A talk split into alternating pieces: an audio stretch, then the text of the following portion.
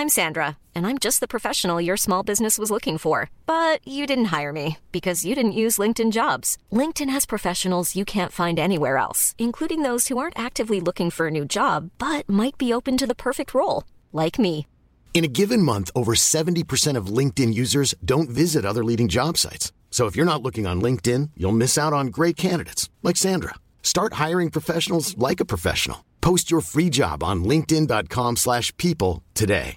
Life is full of awesome what ifs, and some not so much, like unexpected medical costs. That's why United Healthcare provides Health Protector Guard fixed indemnity insurance plans to supplement your primary plan and help manage out of pocket costs. Learn more at uh1.com. A lot can happen in three years, like a chatbot may be your new best friend. But what won't change? Needing health insurance. United Healthcare Tri Term Medical Plans, underwritten by Golden Rule Insurance Company, offer flexible, budget friendly coverage that lasts nearly three years in some states. Learn more at uh1.com. Varmt välkommen till Knatteplock-podden. Detta är en podd om mat, barn och föräldraskap. I avsnitten får du lyssna på härliga gäster som delar sina perspektiv, erfarenheter och kunskaper inom dessa spännande ämnen. Sen som sagt, det kan kännas olika för olika personer. För en annan människa var det kanske bara en stor psykisk lättnad att sluta amma. I detta avsnitt gästas jag av vetenskapsjournalisten Lisen Forsberg. Lisen driver kontot, bloggen och podden Baby Baby där hon tipsar och utbildar kring olika frågor som rör amning. I detta avsnitt pratar vi just om amning och Lisen svarar på era frågor kring detta stora och ganska svåra område. Amning är ju någonting som kan se så olika ut för olika personer. Alla har sina unika upplevelser. För vissa går det bra, för andra går det inte alls bra. I avsnittet ger Lisen bland annat tips på vad man kan göra för att få amningen att fungera, hur man kan hantera så kallade goda råd från omgivningen och hur man kan tänka om man haft tidigare jobbiga upplevelser av amning när man vill amma igen. Detta och mycket mer pratar vi om. Här kommer avsnittet. Hej Lisen! Hej! Hej! Hur är läget? Tack, det är bra. Härligt. Solen lyser i ditt ansikte. Det är fantastiskt. Våren är här. Solen lyser in genom våra otvättade fönster. Ja. Ja. Måste vara lite skit också. Ja, men Lisen, du driver ju kontot, bloggen och podden Baby Baby. Jag tror att det är där som många känner till dig från. Men vill du berätta lite annat om dig? Jag är journalist, frilansjournalist eh, och startade den här bloggen för några år sedan när jag insåg att det saknades information om amning och speciellt bildmaterial tyckte jag och rörlig bild. Så jag började filma när jag själv ammade och la ut det på internet.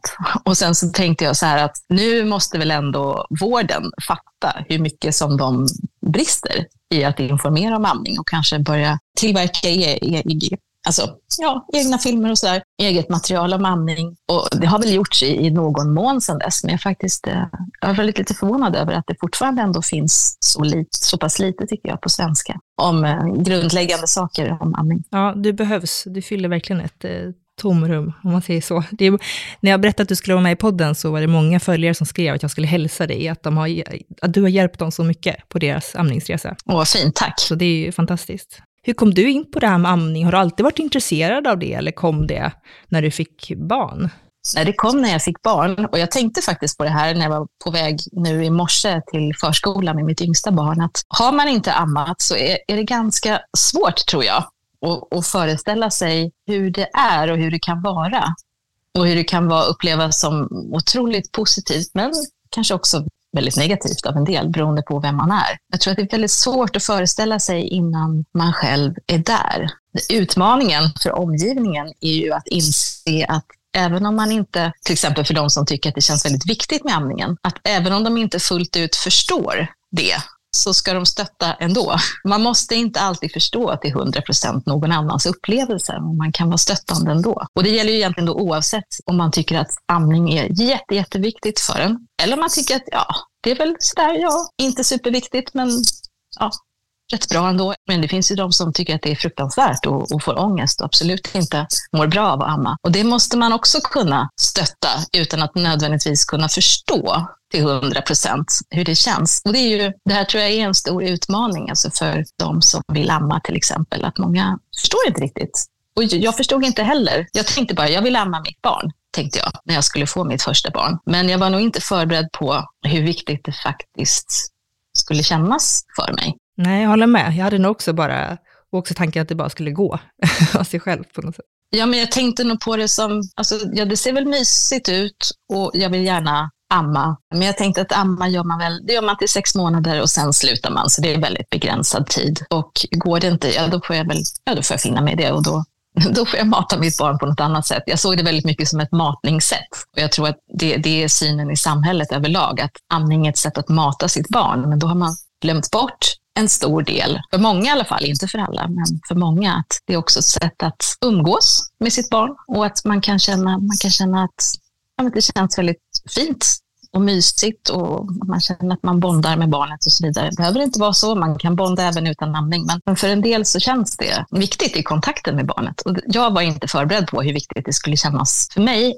och hur otroligt sorgligt det skulle kännas för mig också när jag inte kunde amma mitt första barn så länge. Ja, jag kan verkligen hålla med om den här jag tror också att det är så olika för alla. Mm. Men för mig var det likadant, att det var väldigt, väldigt mycket närhet med amningen. Så jag kan verkligen hålla med om det. Men du har ju fyra barn.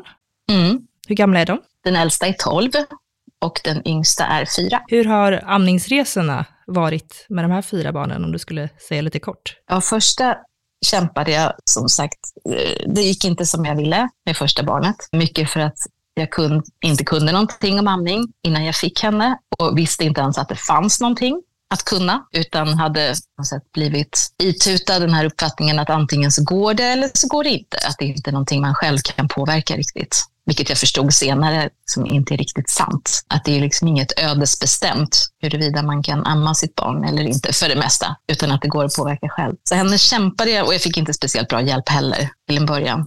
Nej, vad tråkigt. Jag fick ingen information om amning som var något värd att ha i alla fall. Före födseln, jag fick väldigt vänligt och fint bemötande på förlossning och BB, men inte speciellt mycket konkret hjälp med amningen. Och sen så fick jag obefintlig hjälp på BVC och sen fick jag bra hjälp på amningsmottagningen på Södersjukhuset i Stockholm där jag bor. Men det var kanske ett par veckor, nästan ett par veckor efter att, efter att mitt barn hade fötts. Och um, det, det, var ändå, det var liksom lite för sent kan jag känna nu i efterhand. Den där hjälpen, för då fick jag reda på det här, de här enkla sakerna som hur lägger jag barnet till bröstet så att det inte gör ont och inte blir sår på bröstvårtorna. Det fick jag lära mig då. Men... Du kände inte att du hade rätt stöd från början? Helt enkelt? Absolut inte. Så att den där bra hjälpen jag fick, den var superbra, men den hjälpte mig inte att liksom komma tillbaka till att enbart amma, vilket jag ville. Och vi hade gett väldigt mycket ersättning vid det här laget, så det blev väldigt tungt att vända det där skeppet. Jag ville hela amma, men ja, det, det gick inte och jag hade inte självförtroende nog och jag hade inte stöd nog, kände jag. Så det, blev, det blev delamning, och pumpande och ersättning i ett antal månader tills jag kände att nu orkar jag inte mer. Och så blev det flaska och vi hade jättemånga, alltså, otroligt mysiga stunder, jag och bebisen och, och pappan och bebisen också. Och mycket närhet liksom, i bärsjal på långa promenader och så vidare. Och väldigt mycket, det var mycket närhet. Så det var inte så att jag inte kunde helamma, att det förstörde någonting på det sättet. Men jag var ändå ledsen. Jag var väldigt ledsen att det inte funkade och kunde verkligen, hade verkligen inte föreställt mig hur ledsen jag skulle bli. Men sen började jag läsa på från bra källor om amning efter att jag hade slutat amma mitt första barn och eh, insåg väldigt snabbt, men jag kände mig lurad, att det här hade ju varit så enkelt att informera mig om vissa grundläggande saker om amning som hur man kan hjälpa sin bebis att ta ett bra tag om bröstet så att det inte blir sår. Eller bara hur, hur mjölkproduktionen fungerar. Det hade varit så enkelt att ge mig en, de här liksom basic-grejerna om amning. Och så hade jag kanske haft mycket, mycket bättre förutsättningar att kunna amma mitt barn på det sätt jag hade velat. Nu fick jag aldrig de pusselbitarna och då blev det väldigt, väldigt svårt. Jag fattade inte hur ofta en nyfödd behöver amma i början till exempel. Att de behöver amma jätteofta. Att det, det, det, var tredje timme liksom inte är någonting. Jag fick höra var tredje timme på BB. Ja, det fick jag också tror jag. Men då tolkar man ju lätt det som att det, det, det, som, det är normen. Det är någonting eftersträvansvärt. Helst inte ska gå så himla mycket oftare var tredje timme. Nej, men då känner man ju sig att man gör någonting fel när det blir oftare på något sätt. Om man får höra en sån Eh, hållning, en riktlinje. Ja, och då kanske i värsta fall inte blir till, tillräckligt mycket mjölk i magen på bebisen precis där i början. Och så kanske barnet går, går ner lite mer i vikten, vad som är önskvärt och så vidare. Så allt det tänkte jag insåg rätt snabbt att nej, det här, jag fick reda på massor om själva födseln, om epidural, sterila kvaddlar, tensapparat, alla bedövningstekniker inför förlossningen. Men jag fick reda på i princip noll om amning. Och det här är helt galet. Så kände jag. Så jag började läsa på och så hade vi en önskan om ett till barn. Och så tänkte jag att om det blir ett till barn, då banne mig ska jag ha andra förutsättningar. Sen när jag blev gravid med barn nummer två så gick jag, hade jag läst på redan väldigt mycket. Jag, jag låg på kvällarna liksom och, och finkammade internet kändes det som, efter bra information om amning. Lusläste hela internet. Ja, och sen så gick jag en amningskurs via Amningshjälpen, den ideella organisationen Amningshjälpen, som tillsammans med studieförbundet Sensus har något som heter amningskurs för blivande föräldrar, som eh, fortfarande ges och som på sina håll faktiskt är eh, gratis också. Och det var en fantastisk kurs som jag gick. Och, och den bekräftade väl egentligen bara det som jag hade läst på internet från de bra källorna då om amning. Och det som jag fick reda på till exempel hur liten bebisens magsäck är de första dygnen, att man kan likna en nyfödds magsäck dag ett vid ett körsbär till exempel i storlek och dag tre som en valnöt. Och då förstår man ju, det var en riktig aha-upplevelse, bara den grejen, att inse att ja, men det kommer inte komma liksom floder med mjölk i mina bröst de första dagarna, men det är okej. Okay. För det här är en ytterpytteliten magsäck. Men också eftersom den är så liten så måste den fyllas på ofta. Och att det kommer att komma mer mjölk, men att det också, det är under förutsättning att mycket mjölk kommer ut. För att ju mer mjölk som kommer ut ur brösten, desto mer mjölk kommer att producera. Och att det gäller redan från första början, redan från samma stund som barnet föds egentligen. Det gick jättebra att amma. Jag var fortfarande osäker och speciellt jag var fortfarande på en massa oro, osäkerhet och, och sorg skulle jag nog säga från mitt, min första amning. Men jag minns att jag redan dygn två med andra barnet, trots att jag hade gått amningskurs och läst på och finkammat internet, så kände jag mig otroligt osäker. Så att jag, jag ringde till mitt sjukhus och insisterade på att jag skulle få komma till amningsmottagningen. För jag tyckte att det gjorde lite ont ändå. Så jag ringde amningsmottagningen där jag jobbar på mitt sjukhus, där det jobbar helt fantastiska barnmorskor som har råkoll på det här med amning, som är specialiserade i det. Så fick jag komma dit dygn två och de tittade på hur min bebis tog bröstet och, och det såg ju, såg ju fint ut. Så jag, jag behövde nog bara liksom en bekräftelse på att ja, men det här funkar, du kommer, du kommer greja det här. Jag satt och grät som Lille Skutt, du vet, Lille Skutt-tårar, alltså fontäntårar och sa att och, det var så jobbigt förra gången och jag fick så lite hjälp och, och så sitter jag här nu och, och storbölar men då försäkrade de mig att jag verkligen inte var den enda som hade suttit där och storbölat. nej, med de hormonerna och sen tidigare jobbig upplevelse på det. Och, ja, nej, men det är självklart. Men det gick, det gick bra sen. Sen hade vi en del liksom, gupp på vägen, men det tror jag nästan är ofrånkomligt att, att det är någonting, någon, liksom, någonting som strular lite vid någon tidpunkt. Jag hade min bebis eh, amningsstrejkade kan man säga ett bra tag, någonstans vid tre, fyra månader. Sådär. Jag försökte amma honom och så skrek han. Men jag hittade, jag hittade sätt att komma förbi det också. Så det har jag skrivit ganska mycket om på min blogg, hur man kan, vad man kan ha för tricks när bebisen vrålar, vrålar vid bröstet. Har du något kort tips du vill bara dela med dig snabbt? Alltså det beror väl kanske lite på varför. En del bebisar är liksom bara lätt distraherade efter ett tag och tycker att allting annat är roligare än att amma fast de kanske egentligen borde. Alltså, råd nummer ett är väl bara att försöka att inte stressa upp sig för mycket. Ja. försöka ta det lite lugnt och testa en stund senare istället och inte truga. Liksom. En del bebisar som mina har gillat att, att amma i bärsjal eller bärsele och sitta och spana på någonting under tiden. Och då har det inte blivit så tråkigt att äta. Har de kunnat, om jag varit ute till exempel, så har de suttit och tittat på träd och fåglar och bilar och så ammat under tiden. Eller så kan det vara också att, som jag tror att jag har haft det så med, med mina barn, att jag har stark utdrivning i ett ett bröst. Alltså att det kommer väldigt, mjölken kommer fort och kraftigt ibland, speciellt om bröstet är fullt. Och då har de satt i halsen. Och då tror jag ibland att de har liksom strejkat lite på grund av det, att det känns obehagligt. Så att de har sammankopplat amningen med något obehagligt, har jag väl kommit fram till att då har det ofta hjälpt att inte amma dem i den klassiska positionen där de ligger ner i ens famn. För jag tänker också, man kan ju tänka sig själv om man låg ner med ansiktet uppåt och någon, någon matar en liksom med en flytande och man känner att det kommer för mycket och man sätter i halsen, så skulle man ju kanske snabbt tycka att det var väldigt obehagligt. Ja, ja, det kan man verkligen tänka sig. Ligga där och bli dränkt, liksom. Ja. då, skulle man, då skulle man kanske också skrika ja, om någon kom absolut. där. Eh, så då, har de, då har det gått funkat bättre i perioder när det har varit väldigt starkt tryck i bröstet, att de har suttit upp och ammat. Alltså antingen sitta i famnen eller sitta i selen eller, eller sjalen. De kan parera flödet lite bättre då. Så det är ett tips. Så det kan vara ju bra att försöka klura lite på kanske varför de strejkar vid tutten och ibland vet man bara inte. Då kan det vara ja, man får vagga, trösta, testa en stund igen. Och sen har det gått bra att amma nummer tre och fyra också. Ja, men fantastiskt med så många upplevelser och kunna liksom dra erfarenheter av det. Jätte, jättehärligt att få höra lite om, om dina amningsresor. Amning är ju verkligen, jag tycker att det är ett jätteintressant ämne, för att det finns så mycket att prata om. Det finns olika upplevelser av amning, som vi har pratat om nu, att det kan gå jättebra för vissa och för andra funkar det inte alls. Och för min egna del så älskade jag amma. Jag tyckte att det var fantastiskt och jag är jätteglad att jag kunde göra det i 11 månader med min dotter. Det gick inte bra från början. Det var väldigt brokigt i början. Det var som du sa, såriga bröstvårtor och eh, jätteont och varje gång hon tog tag så var det, kändes det som att någon högg med en kniv i mitt bröst. Så det var ju, jag kommer ihåg att jag tänkte, ska jag göra det åt, eller i sex månader nu? För jag tänkte också så här, men i sex månader fall ska jag amma, liksom, det, hade jag, det vill jag verkligen. Nej, men som tur var så gick det över och blev väldigt, väldigt bra. Så jag gillade verkligen att amma. Sen fanns det ju aspekten i att känna sig lite begränsad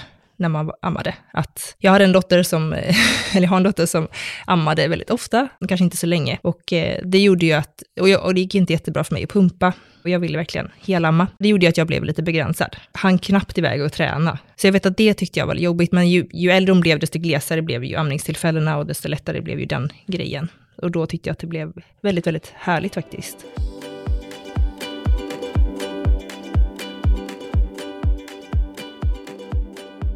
Jag tycker det är jättekul att vi ska prata om amning idag och eh, jag har ju frågat mina följare om frågor till dig. Det kom massa frågor och tankar om det här ämnet. Jag tänker att eh, vi kör igång med lite, lite följarfrågor. Jag tänkte först bara fråga innan vi börjar med det. Vad stöter du på för vanliga frågor i dina, i dina kanaler? Vad är liksom vanliga utmaningar och så vidare? Det är nog mycket att, att det gör ont i början, till exempel. Nu svarar inte jag för det mesta på frågor direkt så, om jag får det privat, får frågor på DM på Instagram till exempel, för jag hinner inte det. Men alltså i, i kommentarsfälten så kan det ju mm, kan det vara mycket respons när jag skriver till exempel om den första tidens amning, att det kan göra ont, att man kan få konstiga råd råd som säger emot varandra. Om vi börjar då med lite följafrågor. Några som undrar hur man kan få bebisen att amma mer. Och det är kanske lite svår fråga att bara ta sig rakt sådär, men jag antar att det är kanske att barnet behöver gå upp i vikt. Man vill att barnet ska äta mer. Kan man göra det? Alltså man, kan ju, man kan ju alltid pröva om barnet vill amma och att tänka bort klockan, tidpunkter, utan är det en liten bebis så, så kan man ju gärna spana efter de här små signalerna på att barnet vill amma. Att de, de signalerar ju oftast ganska mycket, ger ganska mycket signaler om att de vill amma redan innan, ja, innan de blir upprörda och börjar skrika så att säga. Hålla på med munnen och med fingrarna och skruva på sig. Att man prövar. Man kan alltid erbjuda. Sen kanske barnet inte vill ha, men man kan alltid erbjuda. Så kan man tänka. Och att det spelar ingen roll om det var fem minuters sist, sen sist, utan pröva. Och ofta är det lättare att amma ett nyvaket barn också, när de precis håller på och vaknar. Man tar det som en, ett bra tillfälle att testa att amma, för då är de ofta lite trötta och vad ska man säga, i brist på bättre ord, medgörliga. Ja.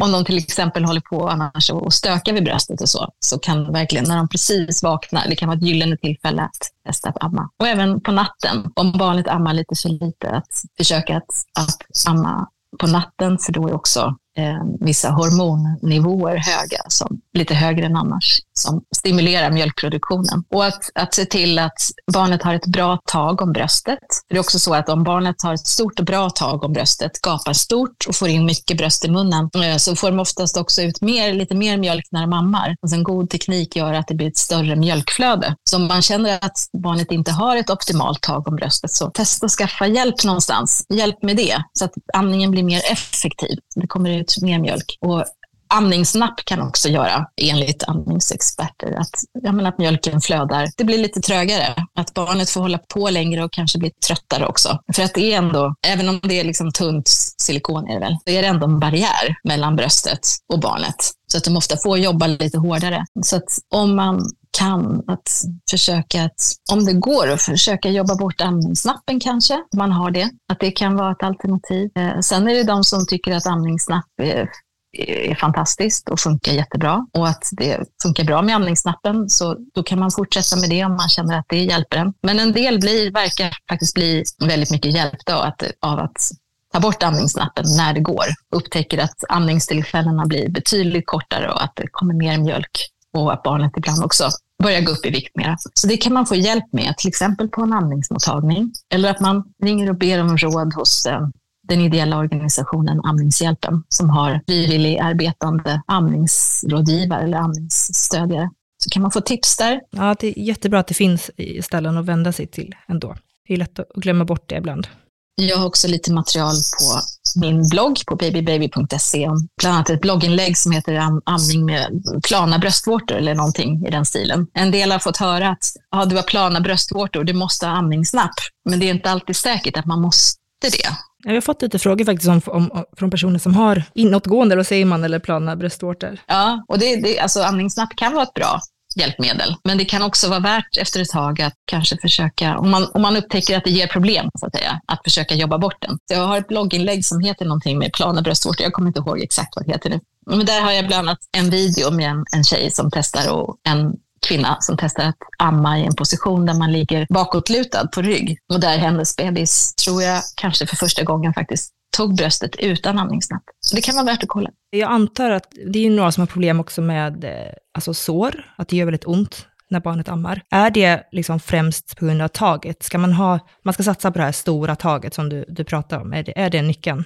Oftast är det det, tror jag. Att ett stort tag om bröstet och att barnet liksom ligger i en bra vinkel så att barnet har möjlighet också att ta ett stort tag om bröstet. En del tycker att det hjälper väldigt mycket om barnet får ta bröstet själv när man ligger på rygg i den här bakåtlutade positionen som jag nämnde. Barnmorskor brukar kalla det för laid back positionen. Då halvligger man på rygg och då får barnet liksom lite hjälp av tyngdlagen kan man säga, för barnet ligger ovanpå en mage mot mage oftast. Och då, barn har väldigt mycket instinkter att ta bröstet själva. Och de, då får de lite hjälp av tyngdlagen också att liksom gapa stort och om du förstår vad jag menar. Att ja, ta verkligen. Bröstet. Det är en jättespännande position. Jag tror inte jag alls har testat den med min dotter. Jag har, vi, jag har flera videor också om det. Laid back kan man söka på.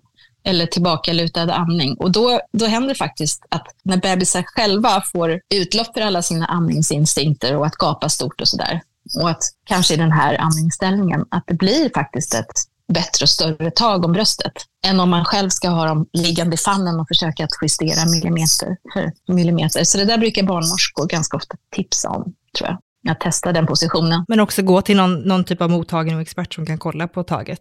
Om man kan, precis. Det är kanske inte möjligt för alla beroende på var man bor någonstans. Man kanske inte har något sjukhus eller någon amningsmottagning nära. Men det finns, men en, en del kan kanske eh, ha besök via videolänk och så. Och man kan ju alltid, ibland så behövs det ju kanske inte heller, ofta kan det vara bra med ett fysiskt besök, att någon verkligen får se hur det ser ut när jag ammar, men ibland kan det ju faktiskt hjälpa att man ja, har telefonsamtal och så. Du nämnde ju att du själv hade en, en, en ganska jobbig amningsupplevelse första gången, eller amningsresa, och sen att det gick bra sen. Det är några som frågar, som, så här, hur kan man förbereda sig inför barn nummer två eller tre, eller vad det nu kan vara, om man har haft en lite traumatisk amningsresa innan? Är det liksom att läsa på så som du gjorde, eller vad, kan, vad mer kan man göra? Finkamma internet. Ja, ja. ja, man måste ju faktiskt inte finkamma internet. Man måste inte bli så Nej. eh, liksom påläst eller hålla på.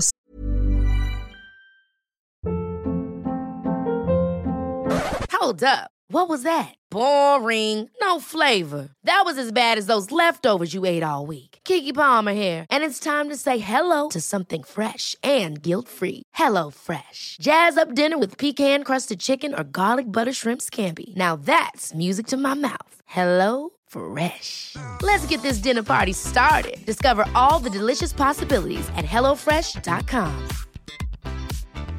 Hey, it's Ryan Reynolds, and I'm here with Keith, co star of my upcoming film, If, only in theaters, May 17th. Do you want to tell people the big news? All right, I'll do it. Sign up now and you'll get unlimited for $15 a month in six months of Paramount Plus Essential Plan on us. Mintmobile.com slash switch. Upfront payment of $45 equivalent to $15 per month. Unlimited over 40 gigabytes per month. Face lower speeds. Videos at 480p. Active Mint customers by 531.24 get six months of Paramount Plus Essential Plan. Auto renews after six months. Offer ends May 31st, 2024. Separate Paramount Plus registration required. Terms and conditions apply if rated PG. Så som jag gjorde. Jag blev nästan lite besatt ett tag där, för jag kände att det fanns så mycket att ta reda på. Så det behöver man faktiskt inte. Så känn ingen sån press. Skönt. Men har man, jag tänker så här också, har man haft en traumatisk upplevelse som gör att man känner att ja, men jag kanske inte vågar göra det här igen, eller jag kanske inte vill göra det här igen. Men det ändå finns någonting inom en som säger att ja, men, det finns ändå en del av mig som skulle vilja försöka, fast jag känner mig väldigt kluven. Då finns det en möjlighet till exempel att kontakta den här ideella organisationen Amningshjälpen. Jag kan säga man ska gå till www.amningshjälpen.se, inte Amningshjälpen med ä, för i alla fall tidigare har man hamnat på en helt fel sajt då, som inte har någonting med Amningshjälpen att göra. Men där finns i alla fall telefonnummer och mejladresser och så till hjälpmammor som alltså är vanliga småbarnsföräldrar för det mesta. Eller ibland folk med större barn också, men som har intresserat sig väldigt mycket för amning, men som har vanliga vanliga jobb, liksom. men som intresserar sig för amning och har gjort ett speciellt och ganska omfattande prov, ett test om amning och har lärt sig att, bli, att kunna prata med andra, så att säga, att ge råd. Vad fint att, de, att man vill hjälpa till på det sättet. Ja, och det är helt ideellt, så de får inte en, en spänn för det, utan det gör de bara helt på sin fritid utanför ja, förskola, skola, jobb, middagslagning, allting, så gör de det. Fantastiskt. Ja, det är verkligen imponerande deras jobb. Och då kan man ringa en sån person om man vill, om man tror att det skulle kunna ge någonting. Och bara säga att så här har jag haft det, hur kan jag tänka inför nästa gång? Och bara kanske prata av sig lite grann. Jag upplevde till exempel att när amningen inte gick som jag ville med första barnet, att det var svårt att ventilera det någonstans. Jag, visst, jag tyckte inte att jag hade något bra forum för att, att, göra det riktigt. Och att det kändes som att andra inte förstod. Sen kan jag tipsa också om Amningshjälpen, då, samma organisation, ideella organisationen. De har en Facebookgrupp också som heter Amningshjälpens slutna grupp som kan vara bra att gå med i. Där, där kan man också ventilera känslor. Man behöver inte älska amning för att vara med där. Man kan ställa frågor om att sluta amma också. Man måste inte vara liksom en amningsentusiast för att vara med där, utan det är helt enkelt ett forum för alla som är intresserade av amning och utbyta erfarenheter och och ibland så kommer eh, hjälpmammorna, de här rådgivarna, kommer in i olika trådar också och ger liksom mer handfasta tips. Så det är en väldigt bra grupp. Det skulle vara mitt tips att gå med, gå med i den gruppen och eh, kanske läsa på babybaby.se också. Absolut, bästa tipset.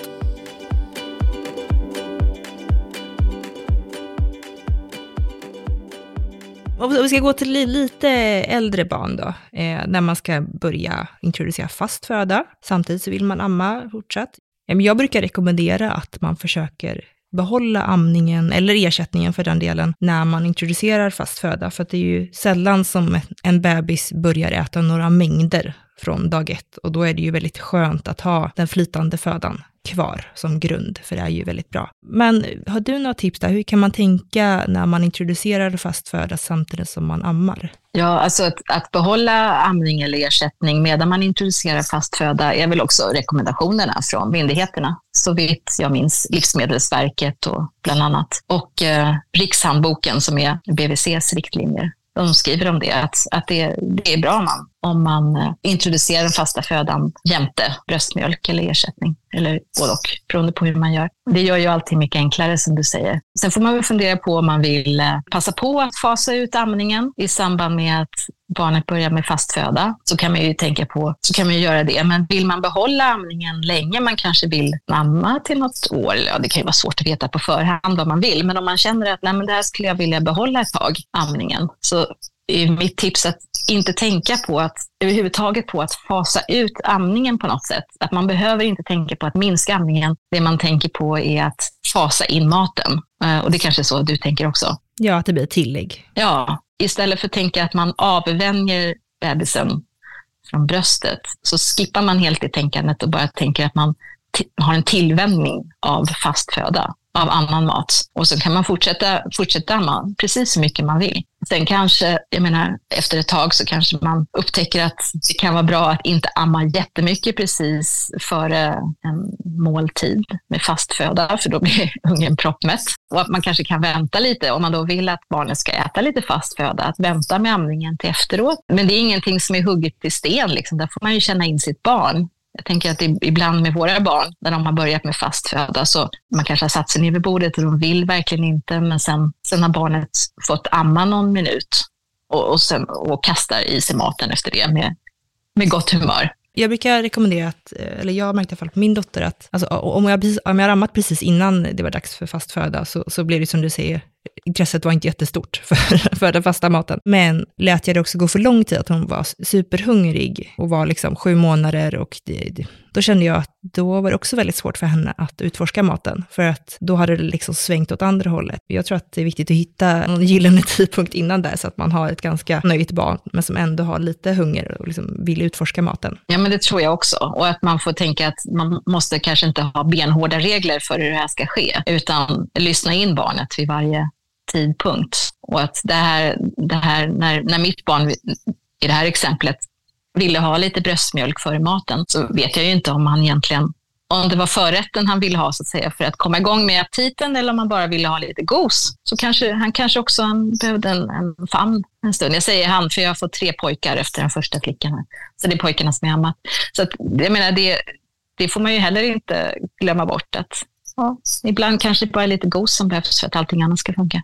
Om man har ammat och känner att eh, jag menar, både att man själv kanske och bebisen är redo att sluta amma. Det är många som frågar om just nattamningen. Jag tror att många upplever det, och mig själv inkluderat, att det var nattamningen var det så jobbigast, för att eh, det, det, med sömnen blir ju så påverkad ofta, beroende på hur man sover. Om man samsover och får till det så kanske det inte blir lika påverkat. Har man en annan liksom, metod för sovningen så, så kan det ju påverka mer eller mindre. Men jag upplever att det är många som, som frågar om just nattamningen, hur man slutar. Men har du några tips generellt, både kring nattamning och amning generellt, hur man, hur man drar ner på det och slutar? Alltså jag, har, jag har inte slutat att nattamma ett litet barn, men jag har ett blogginlägg med tips kring det.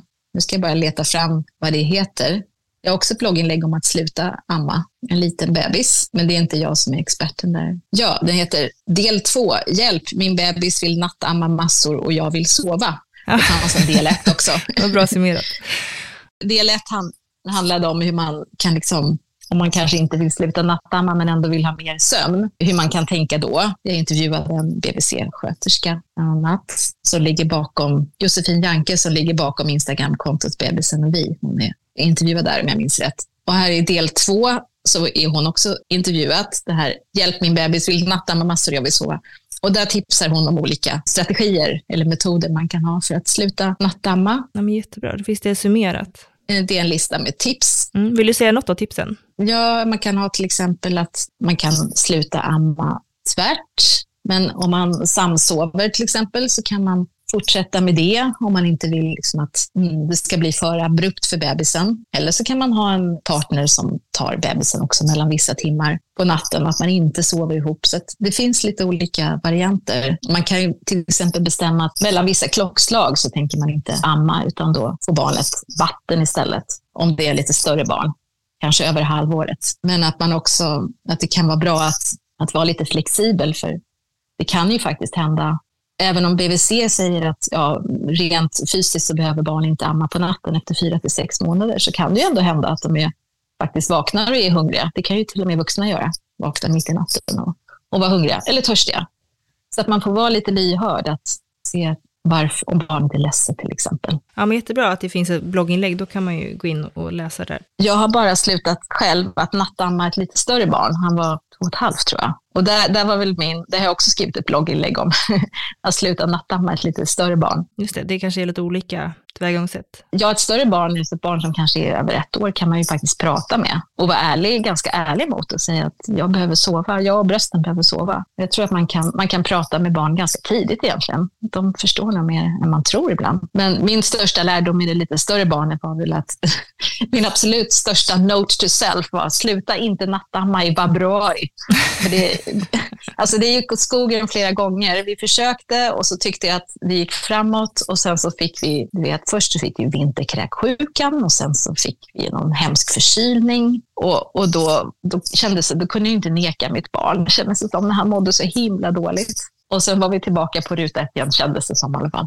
Så det blev en lite utdragen historia, men det gick bra till slut.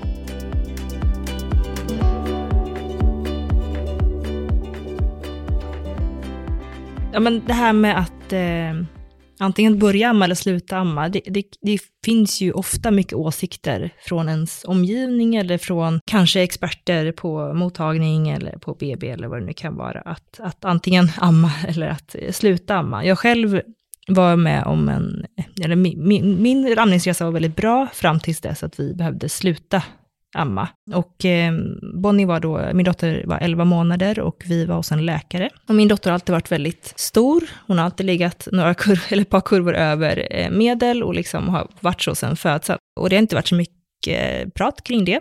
Men när vi var hos den här läkaren då, för vi skulle kolla lite kring hennes motorik i benen och så, så tyckte läkaren att eh, vi skulle sluta amma, för att hon eh, trodde att det var det som gjorde Bonnie stor. Och som mamma och förståelsmamma, så jag blev väldigt så här, Eh, kände mig att det var mitt fel och att det var dåligt och hade väl kanske inte så mycket styrka att stå emot det där. Så att eh, vi slutade amma då ganska abrupt och det är någonting som jag kan se tillbaka på idag, att jag blev väldigt, ja men det var väldigt känslomässigt jobbigt för min del. För Bonnie tror jag att det gick ganska bra, men för min del var det väldigt jobbigt och jag tror också att därför när jag tänker tillbaka på amningen så har jag ju också en jättefin upplevelse, men också att slutet blev så abrupt och att det inte var min, eh, vårt val. Det är en liten sorg för mig jag kan bara tänka hur många andra det är som varit med om liknande upplevelser åt något håll. Antingen att, att press på att sluta amma eller press på att faktiskt amma, fast att man inte vill eller kan. Hur kan man hantera det här? Att andra har åsikter om amningen och att det kanske inte alltid finns så mycket belägg. För jag tror att till exempel i vårt fall så var det ju inte amningen som gjorde att Bonnie var stor, utan hon är ju byggd så. Hon är, jag är jättelång och hon är lång och, eh, och stor och liksom, det tillskrivdes lite fel till amningen tror jag, så här i efterhand. När det gäller just amningen så tyvärr så får amningen rätt ofta skuld för lite allt möjligt i vården, upplever jag och många andra som är intresserade av det här ämnet också. Att om barnet är, är, är litet och ligger under kurvan så kan amningen pekas ut som boven till det. Och om, om, barnet är stort så pekas amningen ut som boven. Och egentligen är det inte någon bov överhuvudtaget kanske ibland för att barn helt naturligt har olika storlek som du säger. En del är, är små räkor som mina bebisar har varit för jag jag är ändå 56. Ja. jag har inte haft så stora barn eh, och jag var liten själv som bebis. Alltså det finns ju en naturlig variation som är genetisk bland annat. Och det är ju inget konstigt. Jag menar, vi skulle inte ha någon genomsnittskurva om det inte fanns olika värden. Om inte vissa låg två snäpp under och andra låg två snäpp över. Vi skulle inte få något genomsnitt om vi inte hade någon spridning. En, alltså, en helt naturlig spridning. Så att eh, det finns inget självändamål så att säga att placera varenda barn på mittenkurvan, på genomsnittskurvan, för de hör kanske inte hemma där. Och som sagt, eh, det finns de inom vården som har jättebra koll på amning, men tyvärr så finns det de som inte har så bra koll, men som kanske tror att de har det. Så vad jag skulle säga vad gäller åsikter och råd från vården, om man tycker, jag menar ibland är kanske ett råd helt korrekt, men känner man så här, nja, kan det där verkligen stämma? Så ska vi komma ihåg att, alltså för det första, vård är ju faktiskt, vården i Sverige är, är frivillig förutom i extrema undantagsfall, så är vården frivillig och man kan, man kan se, det är rekommendationer, men det är inte en lag att lyda exakt varje stavelse som man får höra. Och man kan be om en second opinion. Alltså vården är ju fantastisk i de allra flesta fall, men ibland så blir det fel och så blir det i alla yrken, i alla rådgivande yrken. Då, då kan man be om att få tala med någon annan. Man kan säga att jag skulle vilja ha en second opinion från någon annan som är duktig på amning, läkare barnmorska eller vad det kan vara. Och man kan också kontakta till exempel Amningshjälpen som jag nämnde för råd. Den här gruppen som jag nämnde på Facebook, Amningshjälpens slutna grupp.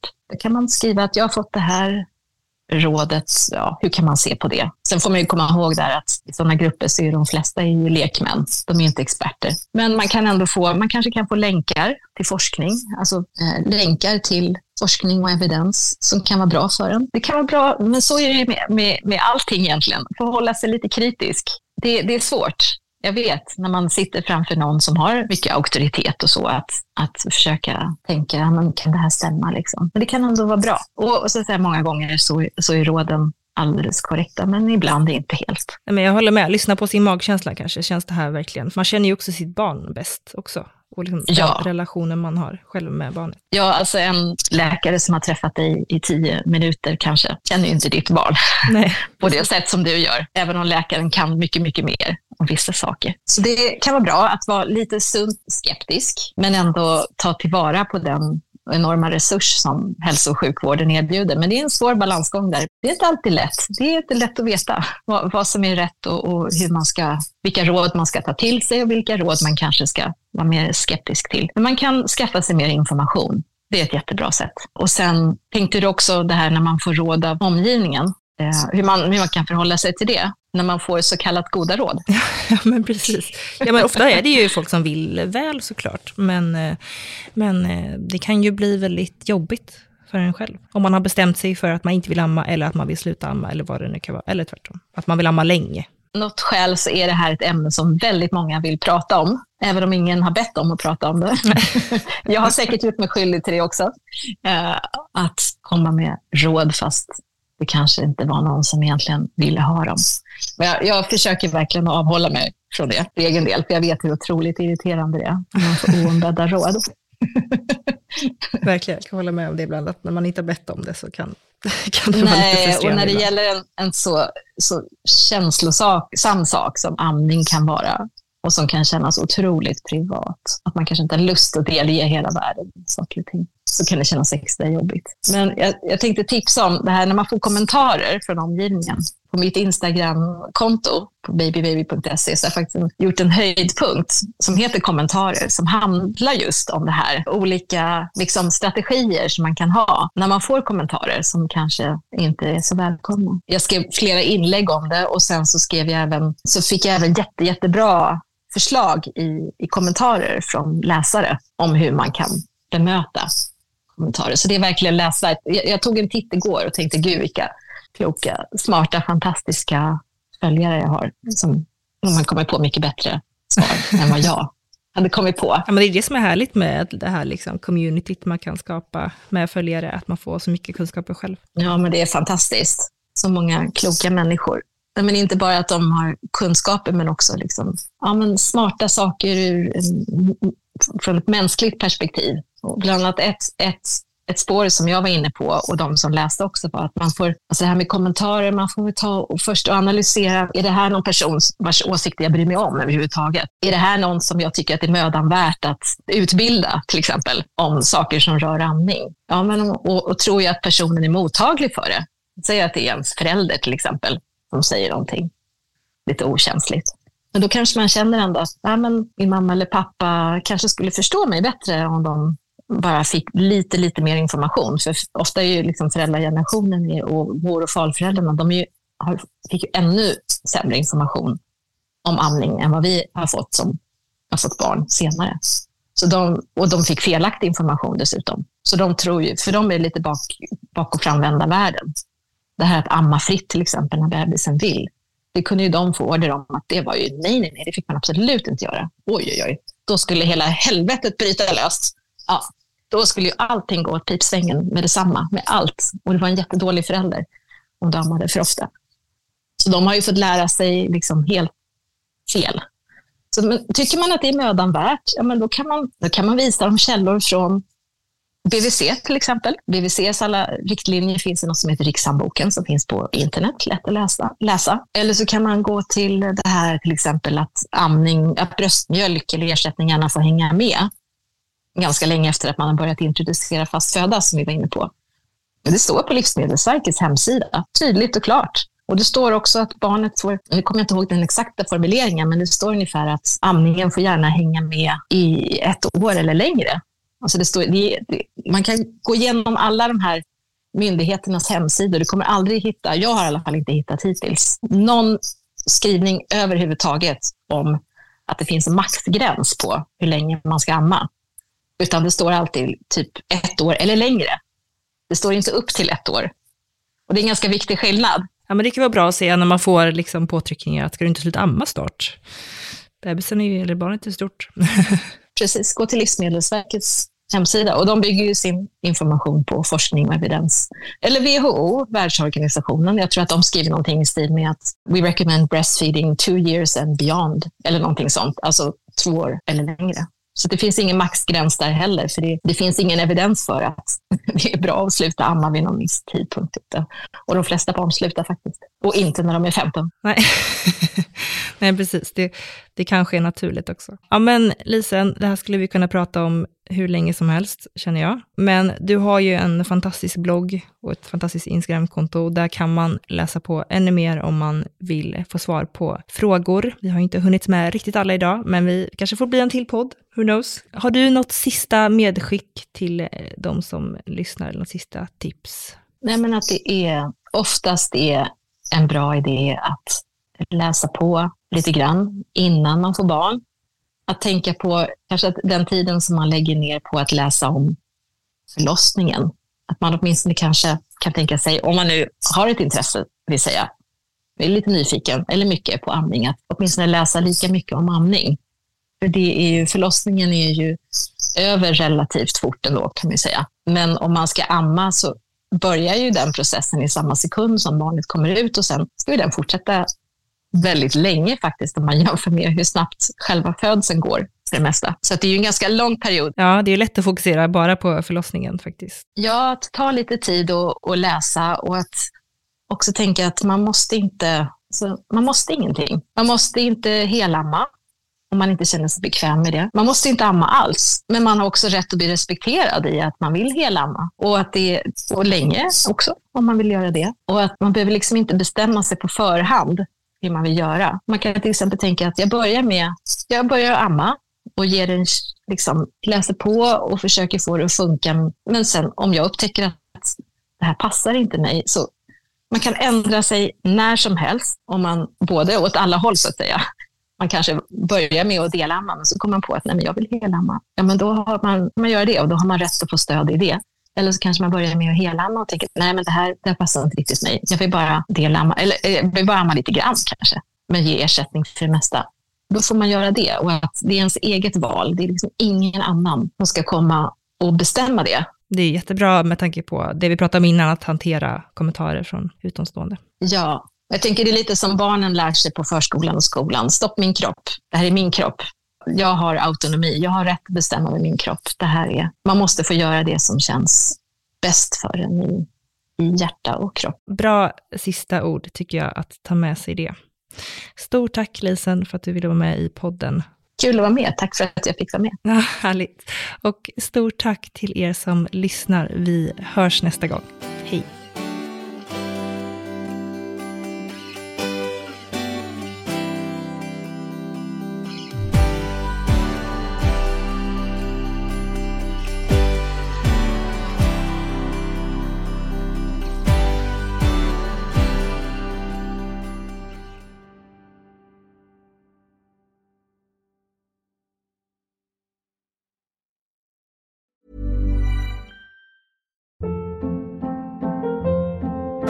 Hold up. What was that? Boring. No flavor. That was as bad as those leftovers you ate all week. Kiki Palmer here, and it's time to say hello to something fresh and guilt-free. Hello Fresh. Jazz up dinner with pecan-crusted chicken or garlic butter shrimp scampi. Now that's music to my mouth. Hello Fresh. Let's get this dinner party started. Discover all the delicious possibilities at hellofresh.com. Hey, it's Paige DeSorbo from Giggly Squad. High quality fashion without the price tag. Say hello to Quince. I'm snagging high-end essentials like cozy cashmere sweaters, sleek leather jackets, fine jewelry, and so much more. With Quince being 50 to 80% less than similar brands. And they partner with factories that prioritize safe, ethical, and responsible manufacturing. I love that. Luxury quality within reach. Go to quince.com slash style to get free shipping and 365 day returns on your next order. Quince.com slash style. Imagine the softest sheets you've ever felt. Now imagine them getting even softer over time. That's what you'll feel with Bowl and Branch's organic cotton sheets. In a recent customer survey, 96% replied that Bowl and Branch sheets get softer with every wash. Start getting your best night's sleep in these sheets that get softer and softer for years to come. Try their sheets with a 30-night guarantee. Plus, get 15% off your first order at bowlandbranch.com. Code BUTTERY. Exclusions apply. See site for details.